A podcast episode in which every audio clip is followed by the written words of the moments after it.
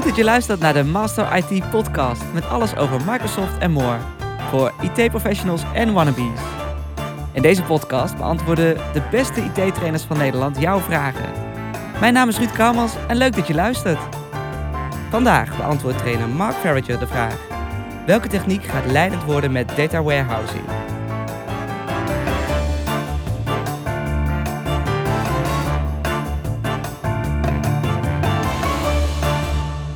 Nou Mark, goed dat je er bent. Mark, ik vroeg jou ooit welke IT-onderwerpen je in trainingen geeft. En toen zei je alles. nou, daar ben ik toch wel benieuwd naar. Want wat bedoel je nou met alles? Ja, dat is een, dat is een hele goede. Ehm, ik kan in feite de hele Microsoft catalogus trainen. En dat komt omdat ik uh, een enorm lange IT-carrière achter de rug heb. Ik ben 51 jaar oud nu. Ik ben begonnen in de IT in 1995. Mijn eerste baan als uh, junior softwareontwikkelaar bij een uh, klein bedrijfje in Nieuwegein. Maar eigenlijk vanaf mijn tiende ben ik al bezig met IT. Toen ik tien jaar oud was, ging ik al spelen op de homecomputer van mijn vader. en uh, ik heb in mijn IT-carrière echt allerlei petten opgehad. Ik ben echt ontwikkelaar geweest en ik ben projectleider geweest, een CTO en company founder twee keer. En ik, ik kan dus putten uit mijn, uit mijn ervaring. En ja, daardoor kan ik heel veel trainingen uit Microsoft Catalogus gewoon geven. Maar ik moet wel zeggen, ik specialiseer in de Azure Cloud, in AI en machine learning en in data engineering en data warehousing. Dat zijn echt mijn kernonderwerpen op dit moment. Precies, precies. En ook om die laatste onderwerpen hebben we je ook gevraagd vandaag in de studio. want we gaan dus data warehousing en data engineering bespreken. En het is niet het makkelijkste onderwerp. Dus laten we voor de luisteraars die nog helemaal nieuw zijn voor het onderwerp, bij het begin beginnen. Wat is nou een data warehouse en hoe is deze anders dan een reguliere database? Nou, je moet je voorstellen, bij een data warehouse gaat het om het verzamelen van alle bedrijfsinformatie van een organisatie op één centrale plek. Meestal in bedrijven zie je dat um, uh, bijvoorbeeld een salesafdeling, een marketingafdeling, een human resource afdeling, die hebben allemaal hun eigen databases, hun eigen systemen. En daardoor krijg je dus dat bedrijfsinformatie verspreid en versplinterd is over, een, over, een, een ja, over de hele organisatie. En wat je probeert met een data warehouse is dat je al die informatie concentreert op één centrale plek, eigenlijk in één grote database. Je gooit alles bij elkaar, waardoor je iedere denkbare rapportage gewoon kunt genereren, omdat je al die gegevens gewoon bij elkaar hebt. Je kan alles correleren, met elkaar vergelijken. alles is in feite binnen handbereik. Dus dat is eigenlijk de wens die uit de business komt. Hè? Dat uh, data-analysten die willen alle informatie gewoon bij elkaar hebben. Die willen iedere denkbare rapportage en visualisatie kunnen produceren. En ja, daarvoor moet je dus al die, al die informatie gewoon op één grote hoop bij elkaar hebben in een data warehouse. Ja, noemen ze ook wel de single source of truth. Juist, ja, inderdaad, inderdaad. En welke ontwikkelingen hebben we nou recent gezien in deze data warehouse technologie? Wat, laten we anders bij het begin beginnen. Hoe zagen die data warehouses er vroeger uit? Vroeger had je eigenlijk alleen maar ja, reguliere databases. Ik noem het een reguliere database, een relationele database. Mhm. Dat is technologie uit ja, 1970, ik heb geen idee, 1960, 1970 is het allemaal ontwikkeld. Hele oude, degelijke technologie waar we nu nog steeds mee werken. Mhm. Dus databases op basis van tabellen, tabellen met kolommen, relaties tussen tabellen. En ja, daar begon een organisatie zeg maar, hun data in te verzamelen. Mhm. En daar gingen ze dus ook alle data in samenbrengen. En dat werden de eerste data warehouses. het probleem met die opzet is dat um, op een gegeven moment je tegen een bovengrens aanloopt van hoeveel informatie je kunt opslaan in zo'n zo'n traditionele database. Uh, die grens die ligt ergens tussen de 1 en de 10 terabyte, mm. over het algemeen. En um, als je probeert om meer informatie in zo'n klassieke database te steken, ja, dan, dan zit die gewoon vol. Uh, performance gaat hard achteruit. Het wordt heel lastig om het ding te managen. Eigenlijk werkt het gewoon niet meer. Dus we, we, liepen op een bepaald moment tegen een grens aan dat we nieuwe technologie nodig hadden om die, hè, die barrière van 10 terabyte te doorbreken. En ja, informatie van arbitraire grootte bij elkaar te kunnen gooien. En hoe wijkt de techniek van zo'n data warehouse dan af van zo'n traditionele database? In feite, het, het, verschilt niet zo heel erg. Het belangrijkste verschil is dat um, als je kijkt naar een relationele database, um, je moet kiezen hoe je die database wilt optimaliseren. Je hebt eigenlijk mhm. maar twee mogelijkheden. Je kan hem of optimaliseren voor het snel veranderen van data.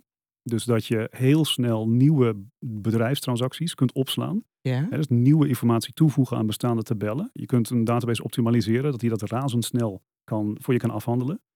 Alleen hoe meer je een database optimaliseert voor het, het afhandelen van veranderingen in data, hoe trager die wordt voor het lezen van data. Ah. Dat is heel vervelend. Je, je kunt niet allebei tegelijk doen, als het ware.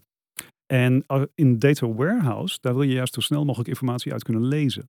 Want dat gaat vaak over hè, het optellen van hè, omzet of inkomsten of uitgaven of uh, winstmarge. En dat je dat dan optelt per jaar of per stad of per regio of per klant.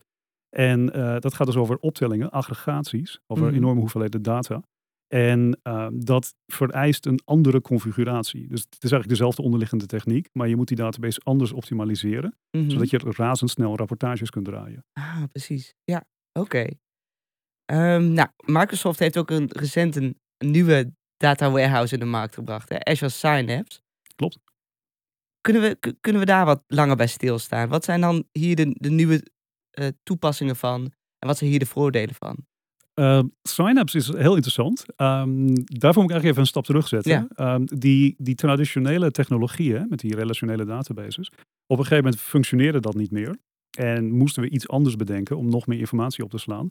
Nou, op een gegeven moment, zo'n tien jaar geleden, begon een hele nieuwe trend met uh, NoSQL databases Mm. of non-relationele databases. Mhm. Hele nieuwe technologie om onbeperkt grote hoeveelheden informatie op te slaan. Meestal ook in de cloud. Dus die data die wordt dan in de cloud opgeslagen. Veel meer dan 10 terabyte. Je kan daar petabytes aan informatie en, uh, mee opslaan. Je kan zelfs nog hoger naar exabytes. Dus enorm grote volumes aan informatie. En uh, ja, eigenlijk een compleet nieuwe technologie om om te gaan met bedrijfsdata. En een van de voortrekkers van die technologie is uh, Facebook. Die tegenwoordig Ah. Meta heet. Ja. Facebook produceert, nou, ik moet eigenlijk Meta zeggen. Meta produceert dagelijks 5 petabytes aan informatie. En de database van Meta is 300 petabytes.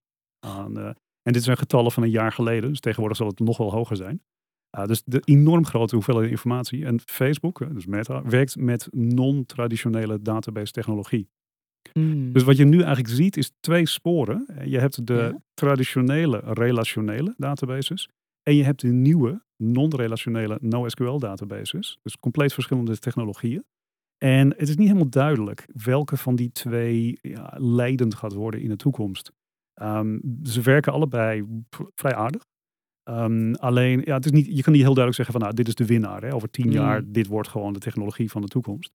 Dus wat Microsoft heeft gedaan in Synapse, die, die, ze hebben allebei de technologieën in één product bij elkaar gebracht. Dus je hebt in die Microsoft Synapse Analytics, heb je zowel de traditionele, de relationele data warehouse, waar je gewoon Mhm. tabelsmatige informatie opslaat. En je hebt die nieuwe NoSQL technologie, waar je dus onbeperkte grote volumes informatie in de cloud kan opslaan. En Microsoft zegt in feite van ja, wij weten ook niet welke van deze twee technologieën het gaat worden. Dus hier heb je ze allebei. En ga ze maar door elkaar gebruiken in je business. Dus pak maar de technologie die je op dit moment nodig hebt, hè, waar dat gewoon voor jou voordelen oplevert. Wauw. Ja, leuke strategie. Maar laten we dan nog even stilstaan bij die non-relationele database. Want ik zie het nog niet helemaal voor me. En wat ik vroeger altijd heb geleerd van een database is als gegevens een relatie hebben met elkaar. Hoe kan een database nou geen onderlinge relaties hebben? Het gaat om de tabellen in een database. Stel je bijvoorbeeld voor dat je uh, bestellingen van klanten opslaat. Mhm. Dus je hebt een, een ordertabel en je hebt een klantentabel. In een traditionele database zou je een relatie leggen tussen die twee Ja. tabellen. Waarbij je dus heel strak zegt, een order hoort bij klant 1, 2, 3. En dan moet je dus opzoeken in de klanttabel, wie is klant 1, 2, 3. En dan vind je alle informatie van die, van die klant. Wat je in een non-relationele database doet, is je kopieert die klantgegevens in de ordertabel. Dus je hebt eigenlijk gewoon één tabel.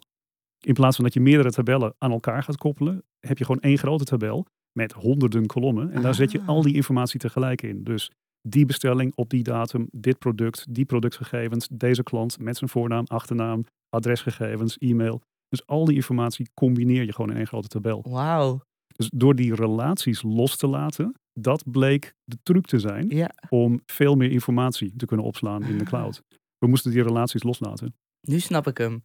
Dus die, die, die, die tabellen van Facebook, die zien er extreem groot uit. Dat is gewoon niet, eh, niet te vatten eigenlijk. Klopt, nou ja, eh, honderden kolommen waarschijnlijk. Wauw. Ja, veel informatie. Maar ja. dat is dus de truc die je moet uithalen om zoveel informatie te beheren. Ik bedoel, ik bedoel 300 petabyte, dat is natuurlijk gigantisch. Ja, ja, ja. ja, Dat, is, dat, dat volume is gewoon bijna niet te bevatten aan informatie. Dus ja, Ja. Facebook moet trucs uithalen om dat beheersbaar te houden. Ja, precies. Oké, en dus Microsoft heeft eigenlijk gezegd van nou, we zien dus die twee ontwikkelingen. we weten nog niet welke het grootst gaat worden, wat, wat de nieuwe standaard gaat worden. Dus in dat Azure Synapse zitten beide technieken Precies. geïntegreerd. Je kunt ze allebei door elkaar gebruiken. Ehm, je kunt dezelfde data benaderen met beide technieken. Dus het idee is dat je je business data wel bij elkaar brengt op één centrale plek. Mhm. Maar dat je vervolgens zegt van nou, ik ga daar of met een relationele bril op naar Ja. kijken. Of ik ga met een non-relationele bril naar diezelfde data kijken. Oké. En je kunt die technieken volledig door elkaar gebruiken wanneer je maar wilt. Eh, dus ja, het is, het is een hele unieke oplossing eigenlijk. En stel nou dat ik een bedrijf zou hebben, hè? Waarom zou Azure Synapse voor mij dan interessant kunnen zijn? Als je een data warehouse wilt gaan optuigen in je organisatie. En eh, je wilt dus al je bedrijfsinformatie bij elkaar brengen om nieuwe patronen en verbanden te ontdekken in je, in je gegevens. En ja, daarmee hè, nieuwe inzichten te vergaren en een voorsprong te nemen op je concurrenten Mhm. bijvoorbeeld. Ehm, dan is denk ik Synapse de makkelijkste weg om eh, tot een data warehouse in de cloud te komen. Het is heel gebruikersvriendelijk. De nieuwste technologie zit erin eh, ingebouwd. Eh, die NoSQL, die non-relationele technologie, werkt met Apache Spark. En Apache Spark is echt de standaard op dit moment in de wereld van, van, van data warehousing en data engineering. Mm. Dus je hebt direct de toegang tot de nieuwste technologieën. AI zit er ook in, bijvoorbeeld. Dus ja, je hebt alles bij de hand. Dus heel gebruikersvriendelijk, heel makkelijk op te richten. Je kunt in een één dag kan je Synapse Analytics installeren en enigszins configureren om ermee te beginnen. Dus het, het gaat allemaal razendsnel. Hm. Dus ik denk ja, het is de makkelijkste route naar succes. Ja, precies. Is het niet hartstikke duur dan? Ha, leuk dat je daarover, dat je daarover begint. Ehm, in het verleden, ja. Eh, in het verleden was eh Synapse heel duur. Ehm, je moest betalen voor een eh, cluster van virtual machines in de cloud. En voor iedere virtual machine moet je een bedrag per maand betalen. Dus dat begon bij zo'n 30 euro per, ehm, per dag. Mhm. 30 euro per dag. Dat was een beetje de, de startprijs. Eh, als je het volledig minimalistisch configureert. En dat ging helemaal omhoog naar, ik weet het niet precies uit mijn hoofd, maar het was iets van 100.000 per dag. Eh, als, je, ja, als je alles maximaal zet. Ja, oké, oké. Wauw. Eh, maar Microsoft heeft een nieuw betaalmodel geïntroduceerd, ook heel leuk. Waarbij je niet meer betaalt voor de rekencapaciteit die je reserveert in de cloud.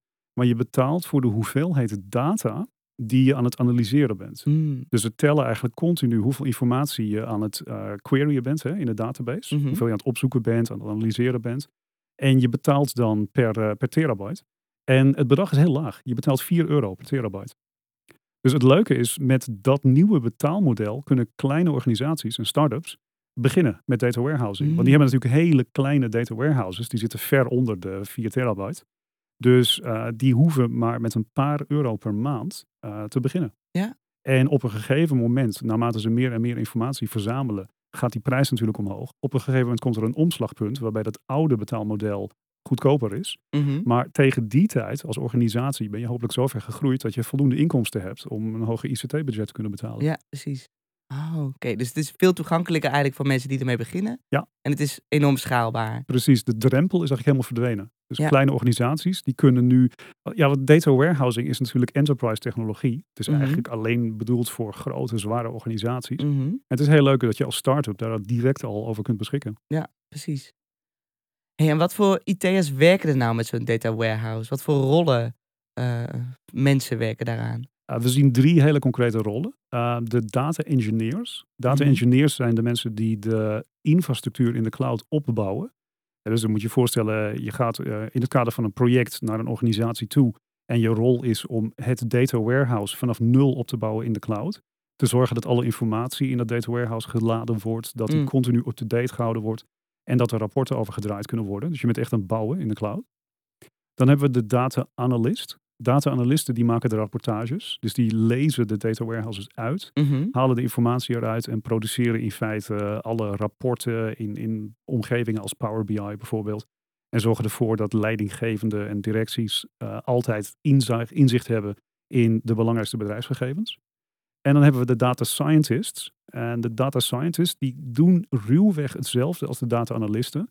Maar die gebruiken AI en machine learning om die bedrijfsgegevens uh, te doorzoeken en daar interessante patronen in te ontdekken.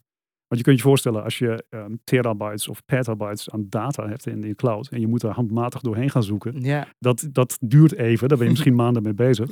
En zo'n AI-algoritme, die kan in één keer enorme databestanden analyseren En die kan correlaties ontdekken of interessante patronen. Mm. Of die kan zeggen van joh, als je je business op deze manier opnieuw organiseert, dan kan je veel meer geld verdienen. Dus die kunnen what-if analyses uitvoeren. Dus, en dat gaat allemaal razendsnel. Wauw. Dus dat is de data scientist. Oké, dat, klinkt wel echt heel tof. Ja, dat is Ja. leuk hè?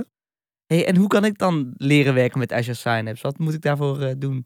Ja, ik denk de makkelijkste route is om een eh, training te volgen. Mhm. Ehm, Microsoft heeft dus een hele serie trainingen om je op te leiden tot data engineer of data analyst.